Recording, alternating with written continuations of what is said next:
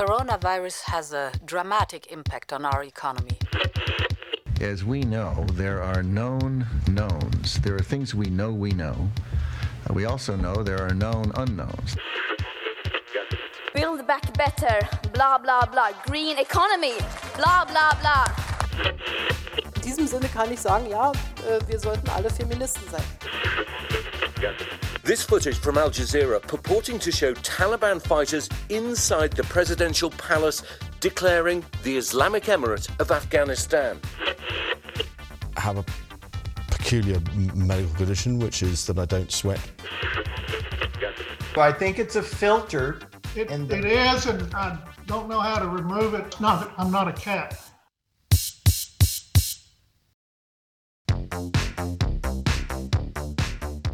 Þú ert að hlusta á heimskviður Í heimskviðum er fjallað um það sem gerist ekki á Íslandi. Ég heiti Birta Bjöstóttir. og ég heiti Guðmundur Björn Þorbjörnsson.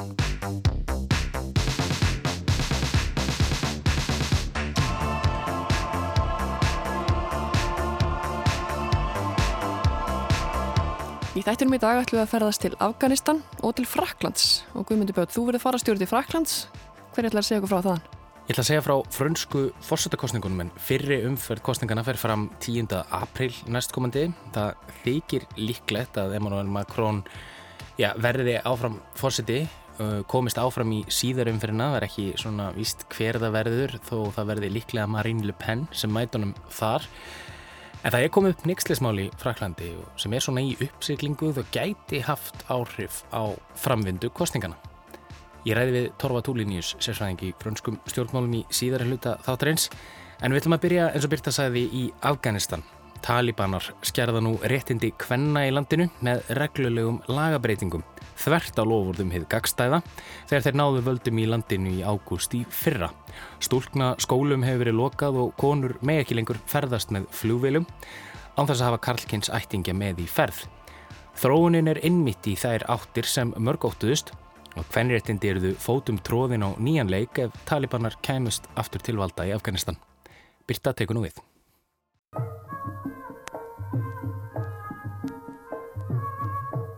Þegar bandarækjumenn reyðust inn í Afganistan í oktober árið 2001 voru talibanar þar við stjórnvörinn. Og stjórnarætti þeirra voru sagðir einir af ástæðum innrásarinnar. Þessar sögu þekkja flest, fyrir þann tíma gátt ekkit endilega allir benta á Afganistan á landakortinu. En eftir hriðverka árásetnar á tvíburarturnuna í New York og Pentagon bygginguna þann 11. september 2001 hófst leitin að óverinu og hann var í miðausturlöndu. Reyndar var höfuð óvinnurinn ekki Afgani heldur sáti að nafni Osama bin Laden. En hann fór huldu höfði í Afganistan í skjóli talibanastjórnarinnar sem vildu á engan hátt aðstóða bandarísk stjórnvöld við að hafa hendur í hári bin Ladens. Þann 7. oktober árið 2001 fyrirskipaði George Tvöfald Bush þáverandi fósiti í bandaríkjana innrás í Afganistan sem fyrstum sinn var beint gegn hernaða mannvirkjum talibanastjórnarinnar og þjálfunarsvæðum hriðvirka samtakana Al-Qaida. On my orders, the United States military has begun strikes against Al Qaeda terrorist training camps and military installations of the Taliban regime in Afghanistan. Tveimur mánuðum eftir innrásina var búið að sópa talibunum frá völdum í Afganistan. Þeir voru þó ekki dauður öllum æðum og skutu víða upp kollinum árin eftir innrásina. Svo mjög að Barack Obama sem þá hafði tekið við stjórnartömanum af Bush í kvítahúsinu á hvaða fjölga í herliði bandarækjumanna í Afganistan árið 2008. Talibananir hurfu aldrei alveg af sjónasviðinu þó nýri ríkistjórn hafi verið komið á í Afganistan. Þeir í raunni byðu af sér næstum 20 ára hersetu bandarísks herliðs og bandamanna þeirra og ríkistjórn sem komið var á eftir að þeim var komið frá völdum hann 2001. Og svo mikið voru þeir enn þarna á sveimi að þegar að bandaríkja herr og allir hinnir erlendu herrflokkarnir ráðgerðu að fara að koma sér úr landinu, gerðu þeir samning við Talibana, ekki við stjórnvöld í Afganistan. Samningunum var gerður í Doha og þar skuldbundu bandaríkja mennsi til að fara frá Afganistan á meðan Talibana lofuð þá á móti að ráðast ekki á það erlenda herlið sem var í landinu. Joe Biden fórsiti bandaríkjana tilkynnti um áformin formlega úr sama herbyggi í kvítahúsinu og forveri hans, George T. Bush, tilkynnti um innrásin í Afganistan 20 árum áður. I'm speaking to you today from the Roosevelt, the Treaty Room in the White House. The same spot where on October of 2001, President George W. Bush informed our nation that the United States military had begun strikes on terrorist training camps in Afghanistan. Eftir að hafa ráðfært sig við einn og annan og nokkra til viðbútar, taldi Biden tímabært að binda enda á lengsta stríð sem bandaríkjaman hafa háð og kalla bandarist herlið heim frá Afganistan. After consulting closely with our allies and partners, with our military leaders and intelligence personnel, with our diplomats and our development experts, with the Congress and the Vice President, as well as with Mr. Ghani and many others around the world, I've concluded that it's time to end America's longest war.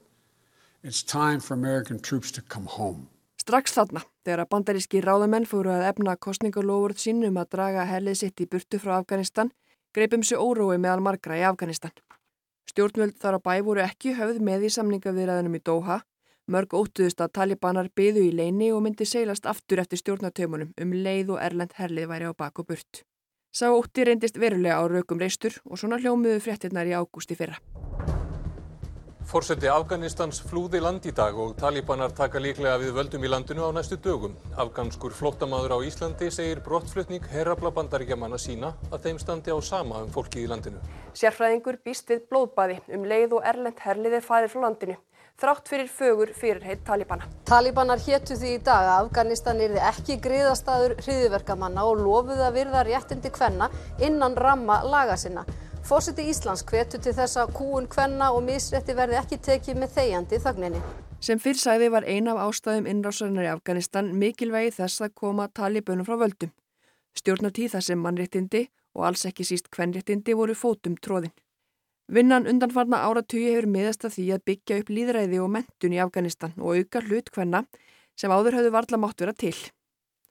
Það tókst ekki betur til en svo að það tók talibana örf á daga að ná aftur völdum í landinu 20 árum eftir að þeim var þar bólaði burt. Og þá voru stjórnvöldi bandaríkjunum í vandraði.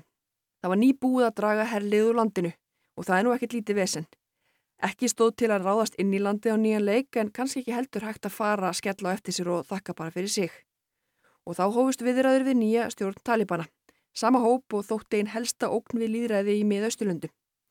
Talibanar lofiðu bót og betrun í þessum samræðum, söðust bóðberar frjálslindar í stjórnunarhátta en áður. Mentun hvenna er til dæmis áfram heimil, ólíkt því sem var í stjórnuntíð þeirra áður. Og svo saði Antoni Blinken, auðaríkisrað þeirra bandaríkjana að bandaríkjamenn væru auðvitað ekkit alfarnir. Just because our troops are coming home doesn't mean we're leaving. We're not. Our embassy's staying. The support that we're giving to Afghanistan when it comes to uh, economic support, development, humanitarian, that, uh, that remains. Sendiráður enn á sínum stað við höldum áfram stuðningi við afgönsk stjórnvöld og höldum áfram mannúðaraðstóð sem við höfum staði fyrir, sagði auðaríkisrað þennan Blinken. En hvað nú að gera þegar ljóst þykir að stjórnarætti Talibana nú minna um mjög margt á stjórnarætti áður fyrr? Áður nefnd fyrirheit Talibana síðasta haust eru nefnilega í hrópandi mótsögnu við ákvarðinni Talibana stjórnarinnar undanfarna daga og vikur. Og það er ekki eins og ekki hafi verið vara við því að svo geti farið. Þetta hér sæði Brynja Huld Óskarsdóttir, öryggis og varnamálafræðingur til dæmis í heimskviðum síðasta sumar, áður en að Talibana komist aftur til valda. Brynja þekkir vel til í landinu, hún starfaði á vegum NATO í Afganistan. Staða kvenna í Afganistan er náttúrulega gífilega báburinn og þær konur sem ég þekki og vann með eru allar að reyna að komast í burtu og eru í rauninni hrættar um að þau réttindi sem hafa áinnust undanferðin 20 ár, þú veist, þau verður í rauninni bara brotin að baka aftur þess vegna kannski á nokkru mánuðum og þeir sem þekkja sögu talibanana vita að undir e, þegar talibanana reyður ríkjum þá máttu konur ekki menta sig, þar máttu ekki leita heilbristjónustu, máttu ekki vera einur út á götum. Og auðvitað eru konur í Afganistan mjög hrættar um að þetta verði þeirra unnveruleiki aftur ef að talibananir taka, taka yfir. Það er ekkit endilega alltaf gaman að hafa rétt fyrir sér. Og Brynja Huld var ekki svo eina sem bæði spáði og ótaðist að svona myndi fara, að talibana næðu völdum á ný og að aftur er þið byrjað að saumaða réttindum hvenna. Fjöldi afgana, sagfræðinga, stjórnmála skýrenda, herrmála, sérfræðinga og fleiri stöðu flest benda til þess að talibana myndu ekki bara storma við stjórnmjölun og nýjan leik, heldur væri ekkert sem bendi til annars en að svipaði stjórnarættir eru þar ofan á og voru hér um árið.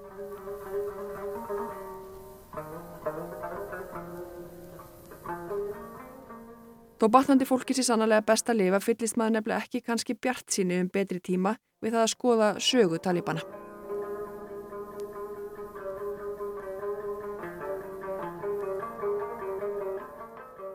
Talibanar fóru fyrst að seilast til áhrifa og valda á nýjunda áratögnum þá tiltölulega nýstopnuð hreyfingin. Þeir aðhyllast harðlínu tólkun á kóraninum og kennisetningum hans. Þá stýra þeir eftir sinni eigin tólkun á sjarja sem er lagakerfi Íslam. Og sangam þeim lögum eru lítil ef nokkur grið gefin þeim sem mistiga sig á beinubrautinni. Ópenberar aftökur á dæmdum glæbamönnum voru allsiða og dæmdir þjóvar limlestir öðrum til varnaðar. Og hinn um almennu borgurum voru sömuleiðis lagða línunar. Körlum var gert að vaksa skegg og konum að hilja sig frá toppi til táar með burkum. Tónlist, kvikmyndir og önnur afþreying var sett á bannlistan. Í því yfirskinni að standa vörðum velferð hverna og velsamið þeirra voru settar fjölmarkar reglur um hvað konur máttu eða kannski aðalega hvað konur máttu ekki gera. Konur máttu ekki fara til læknis nema í fyllt með Karlkins ættingja, sem var til þess að mikill fjöldi hvenna fekk enga bót sinna meina við hennum ímsu sjúkdómum. Stúlkur voru skikkaðir í hjónabönd með sér mun eldri mönnum og allar konur áttu á hættu að verða refsað ofinbellega fyrir minnstu yfirsjón. Aftökur á götu múti voru síst fátíðar. Jafnbriti til náms var ekki á stefnusgráni, stelpum var bannað að ganga í skóla eftir 8 ára aldur og konur máttu ekki vinna.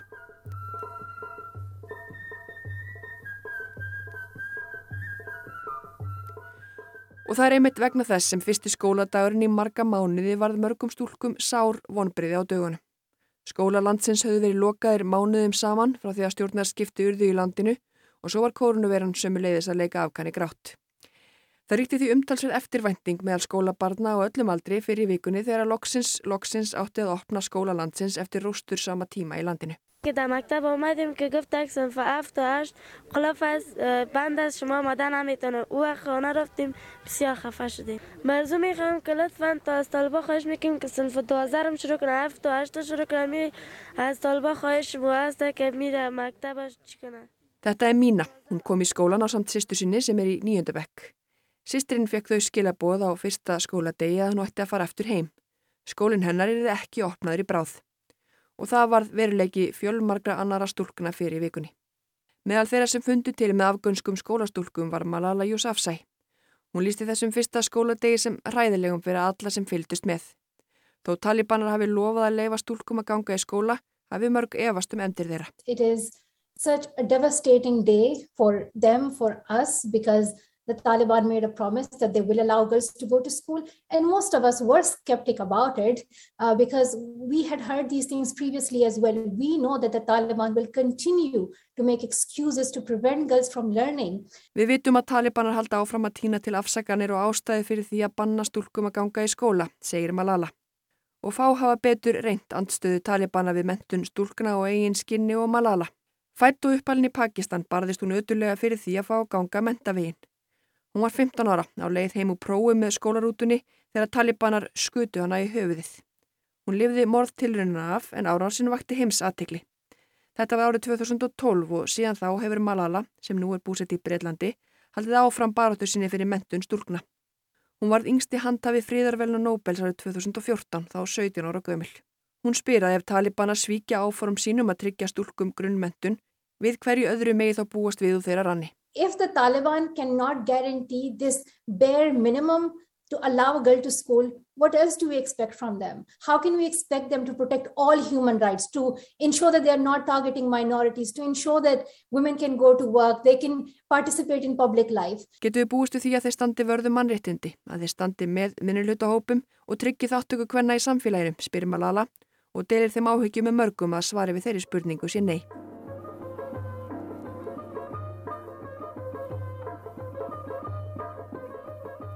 Og það er fleira sem er að rata í sama farið í Afganistan. Tónlist var sem fyrr segir bönnuð í fyrir stjórnandi talibana. Trúarsálmar og lofgjörðum talibana var eina músikin sem leifð var. Hljóðfæri voru brendið að brotin. Þó slíkt bann hafi ekki verið sett á að nýjanleikar um mjög margir tónlistamenn uggandi um stöðu sína. Þeir eru flestir hættir að koma fram, margir fela hljóðfæri sín og fólk lækkar í útvarpinu í bílnum þegar talibanir eru í auksín. Afgönsk tónlistasena er afar rótgróin og er undir áhrifum frá klassískri, íranskri og indveskri tónlist.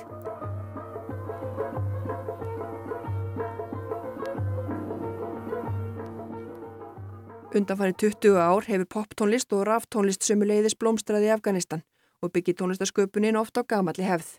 Þar til nú þegar flest hljóðfærin hafa þagnað allavega í byli.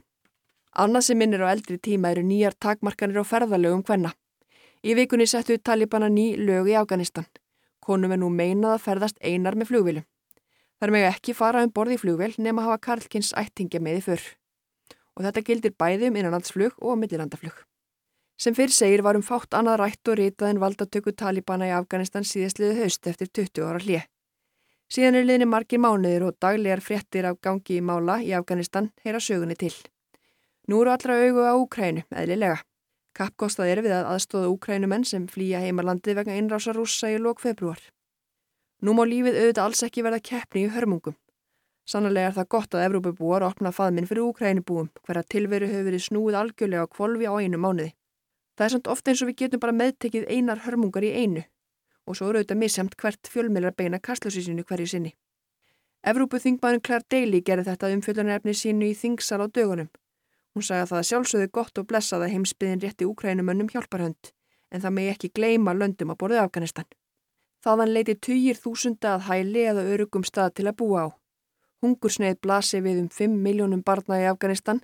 Þar hafi orðum 500% aukning í barnahjónuböndum. 5 million children face famine and agonizing and painful death. A 500% increase in child marriages and children being sold just so they can survive and not a mention of it. Not here, not anywhere. Deili er Íri og sem fyrir segir þinguna Európuþingsins. Hún segir marga afgani líklega að vera velta fyrir sér hvers vegna þeirra mannúðakrísa sé svona lítið merkileg. My God, they must be wondering what makes their humanitarian crisis so unimportant. Alþjóðabankin fristi í vikunni styrki sem áttu að renna til Afganistan. Sjóðurnir áttu öðru fremur að renna styrkari stóðum undir aðgengi stúlknaði mentun. Ákverðinum um að frista þau fjárframlög allavegi bíli var tekin eftir að talibanar lokuðu stúlknaskólinu. Það verður forvinnilegt á næstunni að fylgjast með viðbröðum Vesturlanda við kerfispundnum mannrittindabrótum Talibana, sérstaklega á konu. Hvar liggja mörkin þar til aðrar þjóðir telja sér þurfa aðhafast?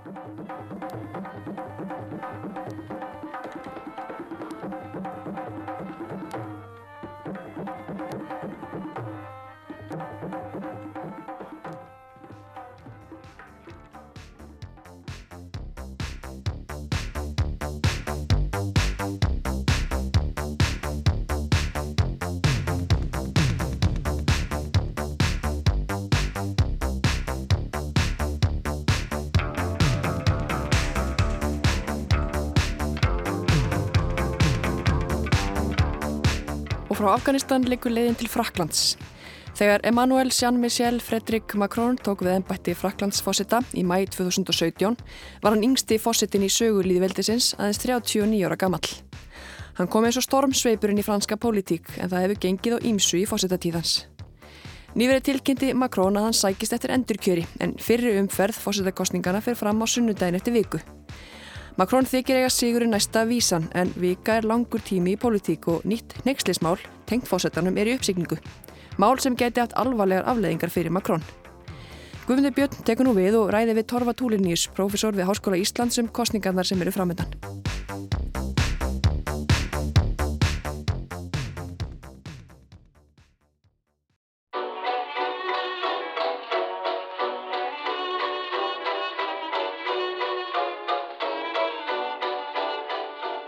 Líklega hvergi drýpur list, menning, matur og drikkur af hverju strái eins og í Fraklandi.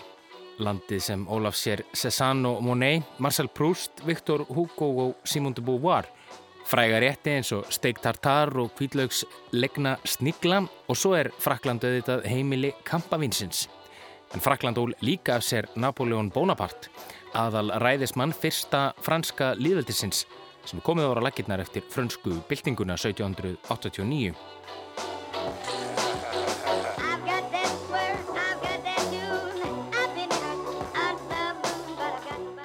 Ég nefni Napoleon hér sérstaklega því Frakland hefur líklega allatíð síðan verið heimili pólitísks umróts og frá því fynda líðveldið svo kallaða sem er núverandi stjórnar fyrirkomulega landsins var komið á 1958 hafa fórsetarnir verið nýju og hafa þeir allir á einnið annan hátt verið umdeldir.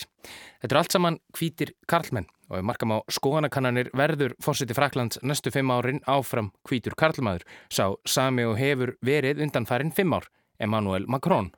Fyrri umferð fórsetakostningana fer fram þann 10. apríl næstkomandi. Fyrri umferð segi ég, já, því Frakland er kostningakerfið tvöfalt, bæði í fórseta og þingkostningum. Margir frambjöðendur bjóða sig fram í fyrri umferð og þeir tveir hlutskörpustu komast áfram í þá síðari og valið stendur á milli þeirra. Þetta fyrirkomulag hefur sína kosti og galla og hefur hlutið mikla gaggrinni. Einn helsti gallin sem fólk bendir á er að í fyrirumferðinni bjóða sig gertan fram margir frambjöðundur úr hópi sömu pólitískra reyfinga og engið er að kemja staði í setnuumferð. Þetta er Torfi Túlinius, profesor við Háskóla Íslands og sérfræðingur um frönsk stjórnmál. Og það gerist í dæmis 2002 þegar að sósjálistar voru með mjög sterkan frambjóðanda eh, í sem var þá fórsettisráð þegar hann eh, hérna, Díon Elisóð Spa en hann lendi þrýðarsæti í fyrstu umferð af því að það voru margir aðrir frambjóðundur á vinstrivagnum sem vildu nota fyrir umferðina til að koma sínum málum í umræðuna en eh, það var þetta slis að að Röspa komst ekki áfram í setnu umferð. Slis, segir Torfi, því þá stóð valið millir hins íhaldsama og umdelda Jean-Marie Le Pen annars vegar og fórsetans Jacques Chirac hins vegar sem þá var orðin frekar óvinnsall fósiti og þetta var til þess að Chirac varð endurkjörin og varð fósiti í fimm ár til viðbótar. Þetta kerfi og þessir gallar á því blasa nú við mörgum frönskum kjósundum. Torfi segir marga frakka hallast til vinstri og pólitískar áherslur víða eru vinstra megin. Þeir hafa jú lítið á móti ríkisáherslum, vilja sterk félagslegt kerfi, helbreyðskerfi og hafa lítið á móti skattlagningu. Eh, þessar sko, vinstri skoðanir eru einhverju leiti meiri hluta skoðanir frakka en það er engin vinstri maður sem er líklegur til að komast, eða allan að til skamstíma var engin vinstri maður líklegur til að komast áfram í setni umferðina. Til skamstíma, segir Torfi. Því allt benti jú til þess að síðaðarumferðin myndi vera melli Marie Le Pen, leitu að frönsku þjóðfylkingarinnar og dóttur Jean-Marie Le Pen og Emmanuel Macron, en það er aðeins að breytast. En núna á allra síðustu dögum hefur einna frambíðundum vinstri mannar uh, verið að sækja sér veðrið og hann er núna komin yfir 15% og hann er farin að það eru þá rúm 5% millir hans og og Marine Le Pen. Maðurinn sem Torfinn nefnir hér heitir Jean-Luc Mélenchon og er formaður vinstriflokksins Le France Insoumise. Hann kemur upphaflegur rauðum sósélista en saði sig úr flokknum 2007 og stopnaði sinn eigin flokk, vinstriflokkin Parti de Gauche og satt meðal annars á Evrópuþinginu. 2015 stopnaði hann svo þann flokk sem hann nú gegnir fórust í og bauð sér fram til fósetta. Hann hlaut 19,58% atkvæða í fyrirumferðinni fyrir fimm árum lendi í fjörðarsæti og komst í ekki áfram. En Torfi metur möguleika hans þó einhverja nú. Og ef að fleiri kjósendur allra þessara litlu frambíðanda, allra þessara frambíðanda sem eru á vinþrivagnum eh, ákvaða að kjósa eh, með vitinu en ekki með hjartanu, skulum við segja, það er að segja ákvaða að kjósa þann frambíðanda vinþrimanna sem er líklegastu til að sigra, þá á þessi Milánsó e, svona, það er smá möguleik á því hann gæti skákað Marine Le Pen og að, að setnumferðin verði þá milli vinstri og, og Macron. Le bonheur c'est fragile. C'est bien plus difficile Que décrocher la lune Pour un funambule En aftur að köllum kostningakerfisins Þótt aðeins 28% þjóðarinnar vilja að Macron sitja áfram á fósettastóli, sakað nýjustu konunum, er ljóst að hann mun fá mun meira fylgi í síðarumferðinni. Hvað sagna? Jú, mæti hann Marine Le Pen, sem er langt, langt út á hærivagnum, er talað að það sama gerist og fyrir fimm árum. Meiri hlutin vill hófstiltan miðjumann, fremur en þjóðurnispopulista. Þótt meiri hlutanum líki kannski ekkit sérstaklega vel við þennan hófstilta miðjumann. Þetta kerfi hefur leitt af sér ákveðna kreppu í frönskum stjórnmálum og kjörsókn hefur dalað mikið. Og fólk er svona afhuga stjórnmálum og einn af ástafanum er einmitt þetta þessi, í raun og veru áföll sem fólk verður fyrir út af kostningakerfinu sem að ég var að lýsa. Það er að segja að fólk stend, lendir í því að fara einmitt að kjósa eins og þarna 2002, þetta dæmi sem ég nefndi, þá eh, voru mjög margir vinstrimenn sem að, að þeim var ekkert vel við Sýrak þeim var ekkert eh, þeir voru ekkert hrifnir af Sýrak en þeir töldi hann vera skárri kost en, en Le Pen sem hann auðvitað var og uh, þannig að þeim, já þetta kjósa með huganum er svona margir svona sátu eftir með svona bestbrað í muninum. Í upphafi kostningabaráttunar var talað um að hennir ímsu kandidatar gætu gert Makrón skrávefu. Meðal annars hæri konan og gólistinn Valérie Pécresse úr rauðum líðræðisflokksins, Le Republikán sem og Annie Hidalgo, borgastjóri Parísar. Þá var mikið látið af hæri populistanum Erik Semur sem fór mikinn í upphafi kostningabartunar. Fyrir svona mánuði var staðan kannski opnari og það sem hafði gerst eh, sko lengst til hægri við byrjum þar var að, um, var að Erik Semúr honum hon skaut upp á eh, stjörnuhiminin ef svo má orðið komast að því leiti að hann gaf kost á sér, hann var þekktur sem, sem mjög svona harður hægri maður uh, en ekki stjórnmálamadur heldur dálkahauður sem átt, var mikið í fjölmiðlum og, svona, og, og talsmaður svona Já, mjög harðarar stefnu gagvart innflytjendum til dæmis og aftur kvarfs til, til gamalla gilda. En uh, hann var farin að ógna Le Pen, hérna lengst til hæri en svo kom innrásin í Ukrænu fyrir, um, fyrir hvað fimm vikum síðan.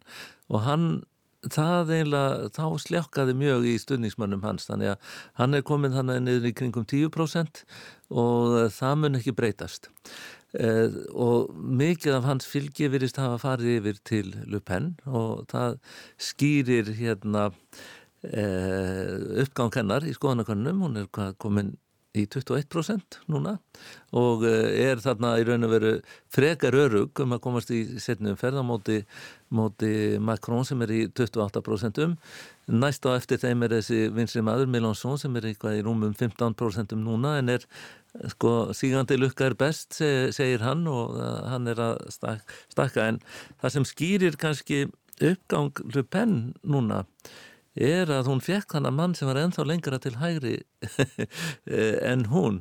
Þannig að hún er miklu áferðar fallegri heldur en, heldur en sem úr og, eh, og hefur sagt, lagt sér fram um að milda sína orðræðu mjög mikið og eh, Eh, hún fyrir fimm árum þegar hún var í frambóði fyrir fimm árum og komst í setni umferð líka fyrir fimm árum þá var hún að tala um fara út úr Evrópu, tala um að um, hætta Evru samstarfinu ymslegt fleira og hún hefur séð að það fellur ekki í kramið hjá frökkum. Þannig að hún er búin að draga það eh, draga verulega úr því. Hún er líka svona er með e, svona talar fyrir ríkisafskiptum og sterkur félagslegu kerfi. Eh, þannig að hún hefur verið svona milda mjög ásjónu sína og þetta er svona ekkert mjög ósympatísk kona að sjá svona hvernig hún kemur fram. En hins vegar ef að hortir á stefnu hennar þá er uh, mjög margt af því sem hún segist alltaf að gera náinn kjöri uh, mun draga úr svona, í, svona réttindum fólks sérstaklega útlendinga og svona mun veikja líðræðið, hún ætlar að taka meira upp hún ætlar að láta gera hérna, stjórnarskrárbreytingar uh, með þjóðaratkvæðagreðslum og þess áttar og það, það er svona uh, það talið að hún muni veikja mjög réttaríki og er í svona anda eins og Viktor Orbán í Ungverðinlandi en þeir eru þarna nokkur tengslan á milli. Hún, hún fjármagnar kostningabaratu sína með láni frá ungverskum banka til dæmis. Oh, Faites-moi feuille de rose, prenez en pitié mon aveu C'est une langue que je veux, c'est mon cul que je vous propose. Þú talar hérna um stríði í Úkrænu, þá skulum við snú okkur aðeins að, að Emmanuel Macron, hann var lengi að tilkynna frambóðsitt, eh, beigð með það mjög lengi og, og eftir því sem ég best veit þá hefur stuðningurinn við hann aukist eftir að stríði í Úkrænu hófst. Eh, hvernig stendur á því? Þetta er náttúrulega sko, rally around the flag effekt sem við talaðum um á ennsku hérna frakkar kallaða livsveit rappó þetta er sem bara að þegar að samfélagið er í hættu þegar það stendur í stríði þá e, finnst fólki, skynsömmu fólki eða finnst sömmu fólki skynsanlegt skulum við segja að e, þjappa sér saman í kringum leituan þannig að það er svona einskýringin og hann fór einlega lengra upp. Hann er svona, svona dalaði svolítið núna í síðustu viku held ég í skoðanakonunum og um, þannig að það, þetta er í raun og verið mjög eðlileg viðbrögð. Hann þykir hafa staðið sér ágætlega til dæmis í því hvernig hann stýrði landinu gegnum COVID-kreppuna og uh, hann hefur verið mjög ábyrgandi á alltjóðavettvangi núna í kringum Ukrænu, hefur verið talsmaður þess að halda sambandi við Putin, svona talsambandi en jáfnframt að vera mjög hardur í að fordæma aðgerðir Putin Um, þetta skýrir allt svona það að hann þykir trúverður hann er trúverður leiðtói og um, og trúverður svona talsmaður líðræðis en uh, það sem hann hefur það sem hefur gerst í sambandi við svona staðsetningu hans á svona í hinnu pólitíska litrófi er að það er allir af því hann kemur sko úr vinsrinu hann var sem sagt uh, ráðherra í, í uh, valdatíð François Hollande sem var þá hérna var, var þá uh, fórsetið sósélista það er bara allir hættir að trúa því að hann sé nokkuð til vinstri, hann er svona miðjumæður svona, og miðju til hægri. Og það sem hefur gerst og sem hann virðist hafa unnið markvist að eftir að náði kjöri 2017 í raun og veru á svona já, í nafni vinstri manna er að ná til sín svona stórum hluta af uh, svona hennu pólitíska apparati sem áður var undir stjórn gólista Góllistar sem torfinarni hér var upphálega að notað um stuðningsfólk sjálfstu gó, fósetta Fraklands í síðari heimstyröld, sem var svo aftur fósetti á árunum 1958 til 1969. En góllistar er líka notað yfir þau sem vilja Fraklandsi með öllu óháð erlendu valdi. Þetta er stór hluti fransks samfélags, hæra megin við miðju og fólk úr röðum gólista var oftast stýrt landinu frá miðja síðustu öld. En Macron nýtur nú líka fylgis úr röðum þeirra og, og skipaði meðal annars fósittisar á þeirra úr röðum gólista. Svona hans pólitík er mjög í anda þeirra þannig að og hann hefur einlega sko skerft á því í kostningabarátunni og uh, það skýrir það, það hvers vegna Valérie Pécresse sem er frambjóðandi gólistaflokksins, hún hefur ekkert haft neitt sviðrum. Þannig að hún reyndi aðeins að uh, svona Eh, að gera orðuræðu sína svona meira í anda afgahægri flokkana en það tókst ekki, hún var ekki að ná til sín fylgi og uh, svona allt sem var varðar efnaðarspolítík sem að svona hefbundin svona, uh, svona hægri efnaðarspolítík að tala fyrir svona fyrir auknu frjálsræði á vinnumarkaði og svona. Um, hann, eh, Macron er bara búin að gera það og er, er talsmaður þess. Þannig að það er ekkit pláss fyrir, fyrir gólistaflokkin þannig að, að eh, Macron er í raun og veru búin að taka yfir sko hægri miðjuna. Og það er bara engin sterkur frambjóðandi sem að e, er á vinstri miðjunni og eini frambjóðandin til vinstri sem að gæti hugsanlega komist í setniðaferðina er þessi Mélancon en hann er lengra til vinstri. Nú hefur mikið verið rættur eitthvað um það að Macron hafi svona uh, við brottkvarf Angelu Merkel að kanslarastóli í Þýskalandi svona reynd að gera sem meira gildandi sem einhvers konar leittóða vestur Európu og, og, og leittóða Európusambandsríkjana mm -hmm. og við sáum hann fóð náttúrulega mikið sko í aðdraðastriðsins í Ukrænu mm -hmm. þar sem hann einhvern veginn svona var í hlutverki einhvers konar sáttasemjara og mm -hmm. var að hitta Putin og var að hitta Selenski og svona mm -hmm hversu miklu máli skiptir þetta fyrir hinn venjulega frakka? Er hann meira að hugsa bara um, hann vil bara sem fósetta sem að er að hugsa um innaríkismálinn, mm -hmm. en skiptir þetta út á við að, að Frakland sé stort og áhrifamikið veldi í alþjóðlega samingi? Skiptir það máli? Ég veit ekki hvort, hvað þetta skiptir miklu máli fyrir svona einn almennafrakka. E, almenni frakki er náttúrulega horfir mest til kaupmáttarsins og almenna aðstæðina og það er eitt af því sem að Le Pen hefur lagt áherslu á sko í sinni kostningabaróttu og svona hluti af því hvernig hún er að milda sína ásjónu og gera hana félagsleiri er að hún hefur talað mjög mikið um að það þurfi að auka kaupmátt e, frakka. En e, Macron bendir aftur á móti á einhverjar hérna niðurstöður uh, set hagfræðinga um að kaupmáttu frakka hafi aukist í valda tíð hans. En um, þetta er ég, heg, ég hugsa að þetta sé svolítið lagskipt svona faraði svolítið eftir lagskiptingu samfélagsins hvort að um, uh, hverjir vilja að uh, frakkar séu svona ábyrjandi á alltjóðavettangi en orðað þannig að það náttúrulega þarf, sko, frakkar hafa lagt mjög mikið í og það hefur verið svona almenn sátt um það hjá þeim sem hafa verið við völd í Fraklandi um að leiðin áfram fyrir Fraklandi er sterkar í Evrópa. Og, um, og Macron var snett, gerandi í því að breyta umtalsvert svona stefnu Evrópusambandsins einmitt núna í kjölfar eða í kringum COVID-kreppuna til að eh, milda efnaðarsárif kreppunar þá eh, tók, eh, tóku Európu sambandsjóðinar saminleitt lán og til, til að styðja við hérna efnaðskerfi uh, sambandsins og þetta, þetta var nýtt. Þannig komin vísir að sammeinleiri efnaðsstefnu sem að, eða sammeinleiri fjármálastefnu skulum við segja, ríkja, ríkjana og þetta er allt svona í áttin að auknu svona ekki samruna Európu þjóða en meiri samvinnu og meiri samhæfingu. Og frakkar hafa alltaf verið talsmenn þess og um, það er stundum talað um það að það er svona tvær skoðan fyrir, eftir núna að breytarnir fóru út úr Európusambandinu þá eru svona tvö mótel í raun og veru sem að takast á í Európu það er annars vegar Tíska mótelið Tíska, Tískaland er sambandsríki þar sem að uh, hérna fylkin eða Eh, Löndin hafa heilmikið sjálfstæði hvert frá öðru en Frakka, Frakland hefur verið mjög miðstýrt ríki mjög lengi. Og uh, ég held að Frakkar svona vilji svona þeir, bara þeirra hugsunarháttur sko færða á til að sjá fyrir sér svona Evrópussamband framtíðarinni sem svona alltaf meira og meira miðstýrðu apparati eða samhæfðu apparati.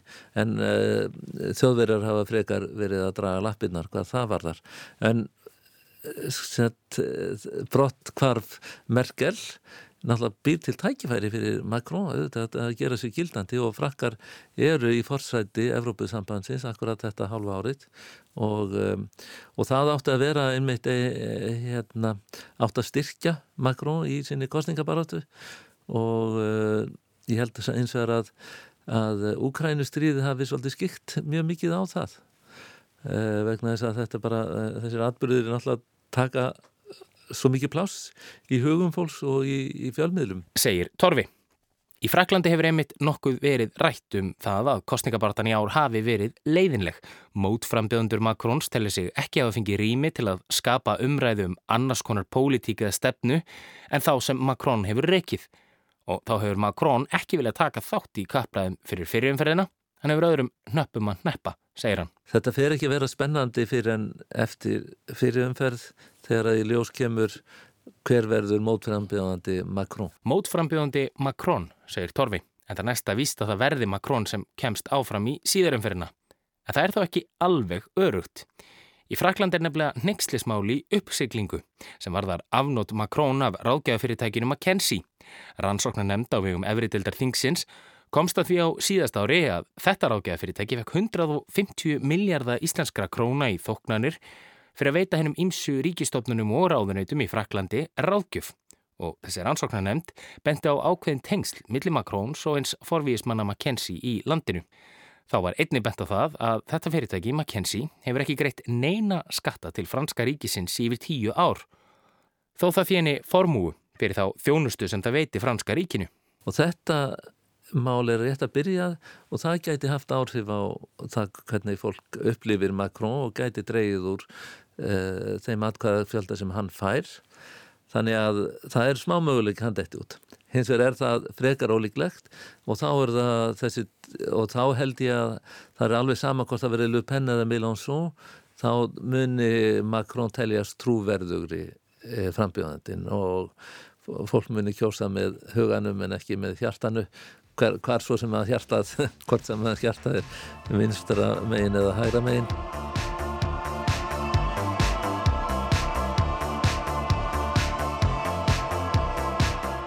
Þetta verða loka orðin í heimskuðunum okkar þessaði vikura.